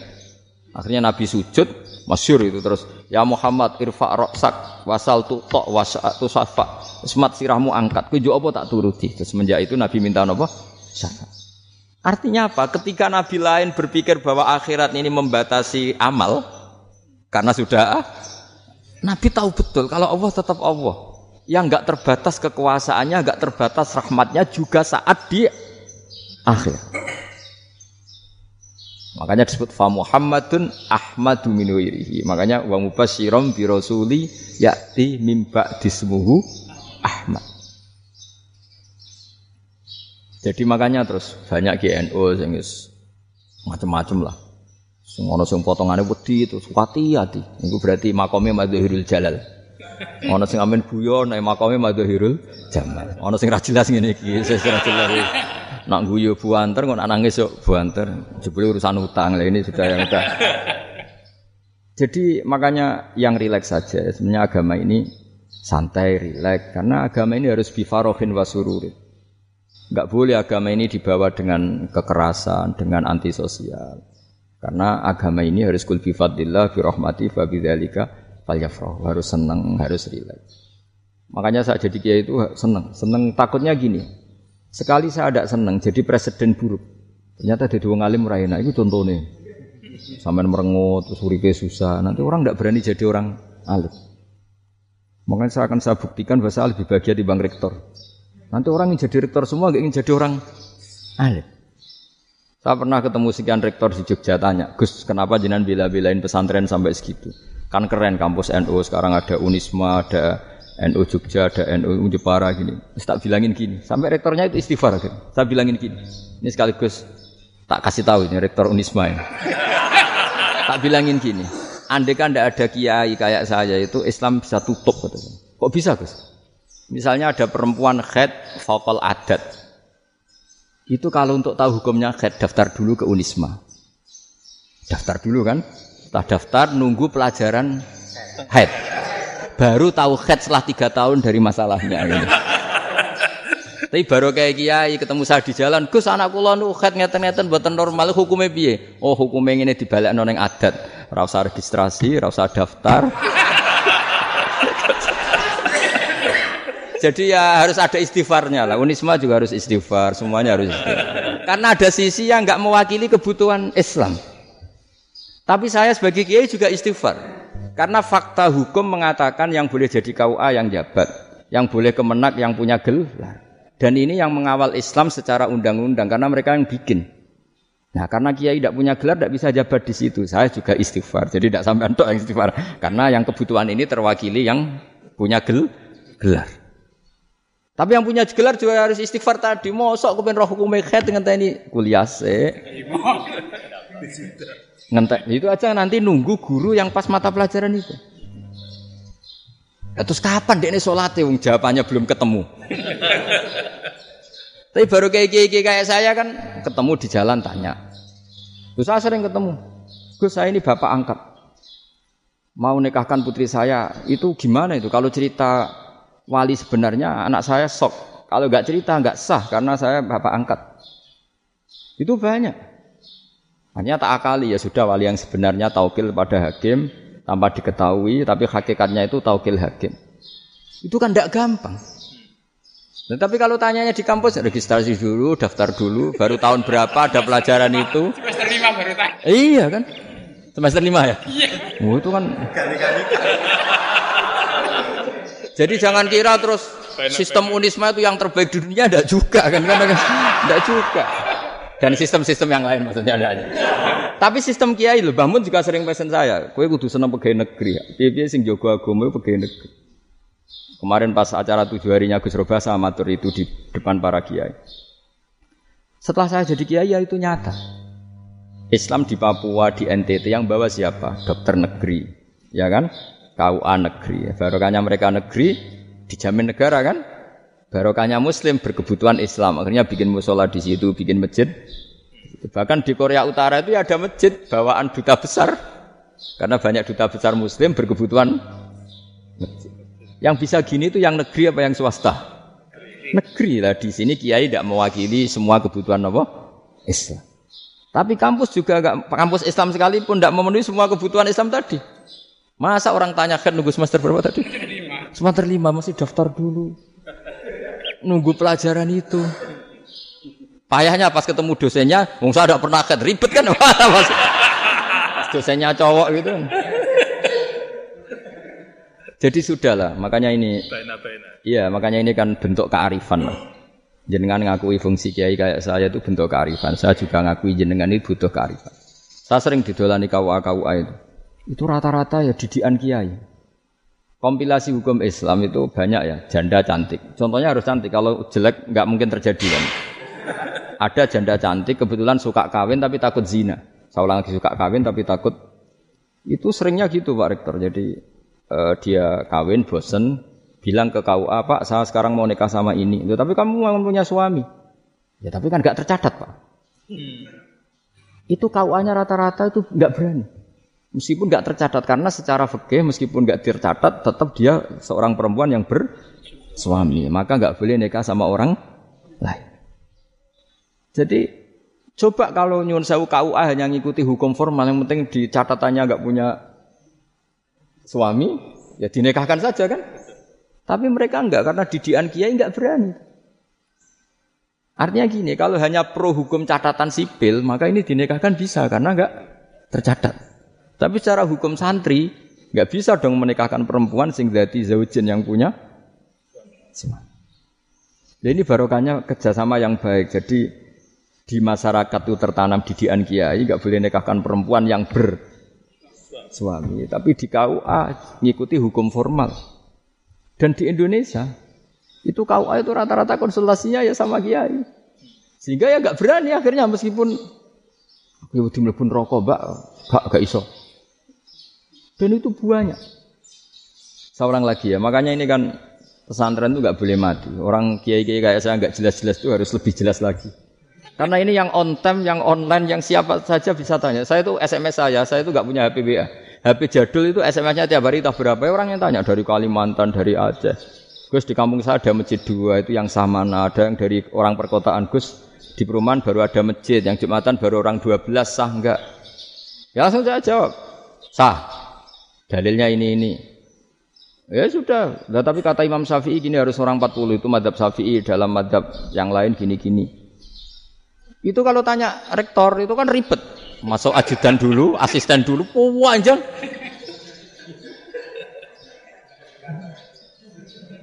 Wah itu kan ribet kan? Manggil dosen dekan VAI dipanggil, dekan VAI nggak mau langsung jawab, cari dosen yang nekuni itu. Usul fakir, saya nekuni itu baru seminar, nunggu dulu mbak ini orangnya baru. Panjang ya? Bisa tutup Islam kalau kesuwen. Kesuwen. Coba kalau tanya kiai kan enggak ketemu di jalan. Dulu Mbah Zubair kata Mbah Mun. Saya termasuk santri yang diapresiasi Mbah Mun. Dhisik Mbah Zubair yang ngono, anak nong takok pesuan gak oleh. Gak takok ning kene. Jangan biasa ditanya orang ngadeg-adegan. Ya alhamdulillah ilmunya cukup. Kalau gak cukup ya kok sik. Jadi sebetulnya orang sopan itu ya agak-agak ada yang ditutupi sebetulnya. Buatan prayogi teng dalan nginjang mawon matur. Ya sebetulnya ya Ya sebenarnya ya cuma sebenarnya memang ilmunya agak cukup gitu. Tapi itu sebenarnya secara fikih itu haram, menunda itu haram. Yo haram tuh. Coba bayangkan ya, kalau tanyanya sekarang, Gus saya ini sudah keluar darah satu bulan penuh, padahal normalnya hanya enam hari. Saya nanti sholat enggak? Kalau ninjang mau dugi loh, berarti kan hari ini belum ada keputusan. Sholat apa enggak kan? Tapi karena modus tadi, buatan prayogi ngendikan ngotong teng dalan ninjang tegen Itu kemungkinannya dua, sopan atau goblok itu saja. Kayaknya kalau sopan enggak lah. Kayaknya enggak lah kata karena secara fikih itu jelas haram. Bagaimana mungkin sesuatu yang harus dipraktekkan nanti duhur dijawab besok. Berarti duhur, asar sampai subuh belum ada. Ada jawaban. Berarti nggak ada sholat kan? Ya, makanya dibutuhkan orang-orang alim yang kultural seperti ini dan NU menghormati kultural. Tapi Mbah Mun juga sangat menghormati Islam-Islam formal karena tadi produk-produk formal itu bisa dilembagakan oleh negara dan itu kita ikut untung. Makanya Mbah Mun itu kalau punya tamu KUA, punya tamu polisi sampai pejabat itu. Kenapa saya contohkan KUA supaya jangan kira seperti pendapat orang-orang hasut, wah ya mesti ya disolani presiden senang menteri senang enggak juga. Sebenarnya semua kiai itu mulai KUA sampai polisi, polsek, polres itu senang semua. Karena sama-sama diajak mengawal bangsa ini, diajak mengayomi semua masa masyarakat. Tapi kadang-kadang masyarakat ngeritiknya, jenenge kiai disolani menteri ya seneng presiden. Padahal yang sowan kiai itu ya mulai KUA, Kapolsek, kepala desa, kepala desa RT, mudin. Itu mudin kalau tanya ya lucu-lucu. Gus kalau nate nyembelih pitik kemanian, pitik gue gede Akhirnya Gus ngerti nak kemanian langsung tak sebelah meneh terusane ku sah tau. Ribet. Ya tak jawab, lah pitike masih gue jek urip to Cek urip Gus. Wis sah cara madzhab Malik kerja urip. Karena itu ada perdebatan antara madzhab Malik dan madzhab Syafi'i. Nah, cara Imam Syafi'i itu agak ketat. Hewan yang punya kehidupan sudah mutoribah, misalnya ayam jago, contohnya harus jago, karena kalau ayam kecil diikhlaskan haram. Jadi, yang cilik wae kan gitu. Fakih itu ya, fakihnya orang Indonesia itu pecundang. Kalau ayam kecil gak ditanyakan, mate ra wis. Kali kalau jago, jago ditabrak truk kejet-kejet. Andai kan nggak disembelih pun mesti mati. Itu cara madhab syafi'i itu haram. Karena penyembelian ini tidak menjadi penyebab kematian, tapi memang karena kecelakaan tadi. Tapi cara madhab Imam Malik enggak. Andai kan nggak disembelih, matinya kan dua menit lagi atau satu menit lagi. Andai kan nggak disembelih. Berarti mati sekarang itu bawaan besok apa bawaan kecelakaan? Ya sudah halal gitu. Nah akhirnya Ya saya bilang ya sudahlah kita semuanya malu. Jadi cara debat, cara Imam Syafi'i enggak cara berpikir itu sudah tidak kehidupan yang normal. Yang di mana-mana penyembelian itu mematikan yang hidup normal. Jadi agak ketat. Jika dalam contoh kemanian, kalau dalam bahasa Jawa nyembelih agak sempurna, terus pesonya jatuh atau apa itu, kalau pakai madhab syafi'i agak kesulitan. Jadi kalau madhab malik, asal diselesaikan cara fauron, dan juga sebagian madhab syafi'i itu halal. Nah orang mesti tanya gitu, Gus, wedusku tabrak truk, eman eh, Gus kejet-kejet. Nak pitik cilik ra ditakok. Makanya termasuk kritiknya Mbah Mun. Tapi ini madhabnya Mbah Mun ya. Kamu boleh ikut, boleh ndak. Karena ini urusan urusan ndak penting. Jadi wong wong lucu. Nak ditakoki yuyu muni haram mergo amfibi. Yuyu ngerti ya man? Yuyu. Iya. Tapi nak ditakoki kepiting muni halal. Mergo nak yuyu haram gak eman, nak kepiting eman. besar. Padahal alasannya coba, kenapa yuyu haram? Karena amfibi kan bisa di air. Pertanyaannya, kepiting seperti itu ndak? Nah, tapi kepiting kalau haram kan eman. Karena besar. Karena besar kan. Kalau yuyu silahkan haram kan gitu. Artinya apa? Fakih kita ini agak-agak pecundang gitu, agak-agak pertimbangan-pertimbangan. Iya, lucu kan? Kualitatif. Coba alasannya yuyu haram karena apa? Ambibi kan? Hidup dua alam. Pertanyaannya kepiting seperti itu enggak? Iya. Iya, kenapa kalau orang tanya, yuyu haram apa halal? Rata-rata jawab haram. Tapi kalau kepiting mulai khilaf. Loh mestinya kan sama. Sama kan? Nah itu karena unsur imannya. Iya tadi. Saya juga sering melihat tonggo-tonggo itu. Ayam cuwilik sama ini ketabrak truk, nggak ada yang tanya. Tapi saya pernah jalan-jalan di Naruan sini. Ono jago ketabrak, sing duwe langsung marani kula pas saya naik motor. Gus Gus ini halal apa haram? Nak langsung kula sebelah halal apa haram? Wis kanggo kowe halal kanggo halal. Karena saya tahu tak jawab haram mesti kecewa itu. Aduh. Akhirnya kiai ini beratnya. Ya akhirnya ya saya setelah itu mati Imam Syafi'i ngapunten umat kula tuh umat kula nu ora siap madzhab jenengan tuh tidak siap. Untuk mazhab ini tidak sama. Iya kan akhirnya pakai madzhabnya Imam Malik tadi. Ya tak Fatihah Imam Syafi'i ini buat niat ngelawan jenengan. Tapi ngobati tiang eman. Mergo besar itu. Jadi ini kan cerita ya itu makanya yang rileks saja lah bahwa Islam ini yang rileks, yang menyenangkan karena ya agama ini harus menyenangkan. Rodi itu bila you know, Rodi itu tuh seneng banget, ridho itu puas. Gak boleh beragama pertuntungan terus emosinan, ya marem atau Rodi itu marem jadi yang yang. Ya saya kira demikian. Assalamualaikum warahmatullahi wabarakatuh. Waalaikumsalam warahmatullahi wabarakatuh. Pun, pun. Pun, Alhamdulillah. satu aja yang di sini benar. Oh, satu aja. Nggih. Syarat, syarat. Nggih, nggih, damel syarat. Jadi mungkin ada satu pertanyaan aja. Satu saja. Bukan keluhan. Bukan keluhan. Ini mumpung Gus Bak pada Madhahirul Jamal nih. Iya, Madhahirul Jamal. Sebentar lagi sudah nah, Jalal. Sebentar lagi sudah Madhahirul Jalal. Jadi gak kena ditakoni. Monggo, setunggal mau. Ya, ya. Ini gini, gini, ambil, ambil. Ambil. Nggih. Ampun dawa-dawa terus Gus. Ya jagal-jagal ya. Assalamualaikum warahmatullahi wabarakatuh. Uh, saya Fadil, alumni Unisma yang kuliahnya paling lama. Oh, iya. Masih di jalanan.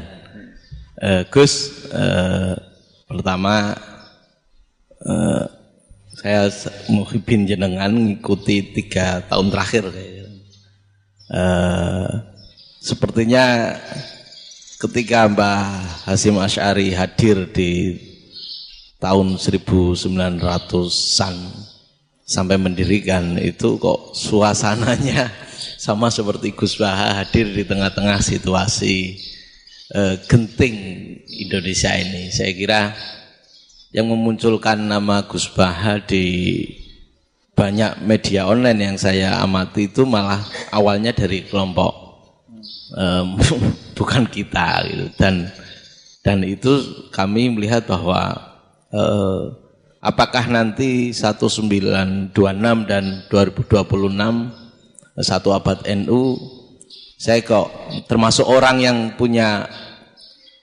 apa ya semacam uh, harapan gitu. Gus Baha bisa ya mungkin kalau beliau Mbah Hashim Rois Akbar. Eh, sekarang Rois Am nanti ada istilah baru lah. Tengah-tengah antara Rois Am dan Rois Akbar. Karena setiap eh, satu abad harus ada mujadid dan kami berharap eh, nah, kamu aja tak itu yang pertama artinya. Mohon maaf Gus. Eh, yang kedua soal eh, saya termasuk orang yang cukup eh, iskal dengan peristiwa e, Nabi kalau kalau banyak disebutkan itu kisah Nabi Khidir yang atau Khodir yang e, me, di, di dari tiga cerita itu hanya satu cerita yang saya masih agak bingung soal e, di situ anak kecil itu pakai pakai kalimat kalau di Al-Qur'an itu pakai kota lah. Jadi pakai anak kecil itu di, di dibunuh seperti itu. Jadi ada ada ada istilah yang eh, apakah memang saat itu ada syariat yang membolehkan atau memang eh, ada sesuatu yang eh, secara eh, secara dari Allah Subhanahu wa taala memang itu dibolehkan untuk Nabi Khidir. Jadi di antara semua cerita itu saya yang agak iskal yang itu. Kalau yang e, kisah e, soal membocorkan itu mungkin masih bisa masuk ya, tetapi apakah sudah ada ilmu psikologi yang sangat tinggi sehingga kalau ada anak-anak yang idiot itu atau apa pun istilahnya yang sekarang itu itu boleh dilakukan tindakan gitu gitu. Nah ini ini saya lebih provokatif dari Pak Rektor biasanya. Artinya Mohon maaf karena pemahaman saya eh, ada dua pendekatan ilmu yang masuk satu eh, seperti Nabi Musa yang satunya seperti Nabi Khidir. Mudah-mudahan eh, ada sedikit kamu eh. Siap Gus. Terima kasih. Dan yang terakhir eh, mudah-mudahan eh, karena Indonesia situasi terakhir saya kira kita ketahui eh, lagi pandemi seperti ini Gus. Jadi saya juga ingin pendapat Gus Baha apakah ini situasi pandemi corona itu Allah sedang madohirul jamal atau madohirul jalal. Terima kasih. Assalamualaikum warahmatullahi wabarakatuh. Assalamualaikum warahmatullahi wabarakatuh. Monggo langsung mawon Gus. Ini provokatif ini kayak. Loh di situ aja kamu tanya kok terus mirip. Siapa Fadil ya? Dari dari peternakan ya? Peternakan. Tapi mau ngomong tafsir itu. Mulai kacau peternakan ngomong tafsir ini mulai kan. Nah ini ada yang hafal Quran ngaco, paling enggak setengah hafal. Nah yang yang dari Unisma. Tidak begini, ayat itu kan ditutup wama fa'altuhu an amri ya saya maknani wama fa'altu lan orang nglakoni ingsun hu ing kabeh sing kasebut an amri mergo kepinginanku ingsun. Jadi saya melakukan itu semua bukan karep saya sendiri. Jadi Khadir sendiri itu kamu untung tidak nekuni tafsir. Kalau nekuni tafsir yang kamu soal bukan Nabi Khidir, karena Nabi Khidir hanya satu orang. Yang kamu soal harusnya Israel. Wah itu ndak rektor, ndak kiai besar, ndak siapa saja dihabisin itu. Kenapa Israel tidak kamu tegur? Gimana hukumnya qatlul mukmin? Kenapa Israel tidak kamu masukkan ayat wa may yaqtul mu'minam muta'ammidan fajazauhu jahannamu khalidan. Ingat ya Israel. iya kan? Nah, Israel melakukan pembunuhan itu, kadang yang dipateni nyuwun sewu ya orang soleh betul. Tapi wae kabundut ya itu Israel juga tidak atas pilihannya tapi karena print nah Khadir itu bukan nabi syariat kira-kira mirip kayak Israel. Karena beliau bukan nabi syariat. Jadi ini agak aneh ini kan orang nekuni tafsir kayak saya sampai berjilid-jilid kitab. Saya kemarin mata saya agak sakit karena saya nangis itu sudah dua hari. Bukan mikir sampean tapi mikir ilmu ini harus ada yang mempertahankan karena apa ya nekuni ilmu itu kan ribet. Kalau yang nekuni ilmu terus dosen terus rektor itu ya agak ada fasilitasnya. Kalau nekuni ilmu kiai itu naruh keramat kan takobala wa minna minkum takobal ya karim. Iya, tapi saya alhamdulillah keramat jadi ya ya tetap hidup itu. Saya ulang lagi ya. Harusnya Mas Fadil itu kalau nekuni itu yang disoal tuh Nabi Khidir. Nabi siapa? Apa malaikat siapa? Israel. Karena itu korbannya lebih lebih banyak.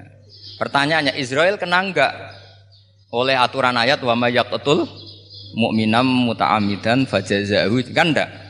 Karena semua itu wa ma fa'altuhu an amri. Saya lakukan ini. Mungkin ngaji kamu gak khatam sih mau delok fakotalah itu. Itu Nabi Khidir pasti tersinggung, nggak baca belakangnya itu. Ya karena jurusan peternakan itu. Atau salah gurunya yang ngajar. ya, ya, dah. Daripada nyalakan satu orang mendingan dua ya. Jadi, jadi kalau ngaji itu khatam sehingga ngerti ayat itu kan ditutup wa ma fa'altuhu anam. Nah, menurut Ibnu Hajar Al Asqalani yang nyarai uh, Bukhari dan ketika itu cerita tafsir ayat itu, wahada dalilun ala anna Musa afdoli minal khodir. Justru ayat-ayat itu menunjukkan Musa itu lebih utama ketimbang Nabi Khidir. Karena Nabi Khidir monoton melakukan apa saja yang diperintahkan Allah, sementara Musa tetap dengan gugatan syariatnya. Beliau gak terima ada orang main membunuh. Akotal tanafsan zakiyatan bi nafas. Laqad ji'ta syai'an nukra. Nah, suratu Musa ila nahyil mungkar itu menunjukkan beliau Nabi Ulil Azmi. Jadi Nabi Musa langsung sikap, "Wah, ini tidak benar kamu." Padahal sudah ada perjanjian kamu tidak boleh bantah. Tapi Nabi Musa lebih ngeboti syariat, lebih memihak syariat, nahi mungkar itu wajib. Justru itu menunjukkan derajatnya Nabi Musa fokol khadir. Makanya Nabi Musa tetap gugat, nggak bisa dong. Ini nafsan zakiatan kok kamu bunuh. Maka itu jadi ilmu. Nabi Khidir pada akhirnya nyuwun sewu ya tidak bisa jawab. Makanya beliau menutup wa ma fa'altuhu an amri. Sebenarnya saya sendiri itu ya tidak punya alasan. Jadi kalau Israel kamu tanya, ini gimana ini wong melarat mulai cilik, meh sugih mbok pateni. Mbok yo baro ben sempat sugih itu. Ini kuliah paling lama, orang sempat urip penak. Nah, itu kan Boyo mateni wong kira-kira lah, nak wis sempat mapaan sempat.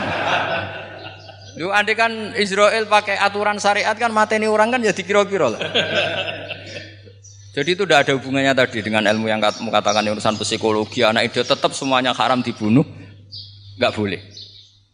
Ya jadi tetap makanya ini pentingnya ngaji khatam itu tadi. Jadi pada akhirnya tapi Khidir itu ya ada punya alasan hanya ngendikan wa ma fa'altuhu an pada akhirnya yang paling pokok yaitu semua ini saya lakukan saya sendiri itu tidak tahu karena perintah. Jadi untung kamu gak nyual Nabi Israel. Kalau nyual diincem ribet kan. ini orang tadi pas seminar Gus Bak ngeritik saya. Wah. jadi, itu pinter kamu. Yang kamu soal Nabi Khidir. Jadi tidak itu. Ya, kalau nyual Israel resiko tinggi, resiko tinggi. Tapi yang jelas gitu ya, makanya tradisi pesantren seperti ini harus terus karena yang punya tradisi khatam. Saya tuh kalau ngaji kitab tidak khatam tuh tersiksa karena tadi kadang-kadang yang depan-depan tuh tidak jawaban, jawabannya di belakang ya tadi wa ma fa'altuhu an'am. Dari kata malam pasti alaihi sobro. Jadi ya sudah kira-kira seperti itu. Wajar kamu tidak sabar, wajar kamu tidak itu memang saya sendiri sebenarnya juga paham itu. Jadi ya, cara bahasa Jawa deh, wajar saya musa kira paham, wajar aku dewi aku jauh paham. aku yang mau ngelakoni gitu. Jadi, jadi sebetulnya sama-sama ada itu kan. Ini wa ma faal tuhu an amri. Dah ya. Ya,